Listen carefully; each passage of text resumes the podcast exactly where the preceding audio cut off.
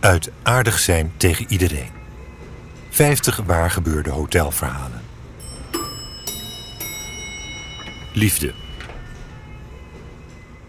Jammer, maar ik begrijp het wel. Er kunnen geen rose petals meer besteld worden. Vanaf nu geen harten meer op het bed. Housekeeping werd gek van de troep en de wasserij was er ook niet blij mee. De blaadjes lieten hardnekkige vlekken achter, niet weg te krijgen. Zit je met je bedden goed? Blijven de ballonnen over? Het werd ook te veel, soms wel vier of vijf per dag. Stel je de collega voor die een kamer binnenkomt om schoon te maken, de deur open doet en denkt: why me?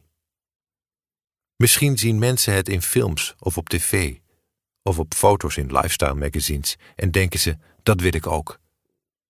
Zodra het over de liefde gaat, worden er geen doekjes omgewonden. We zoeken nu een alternatief voor het rozenhart.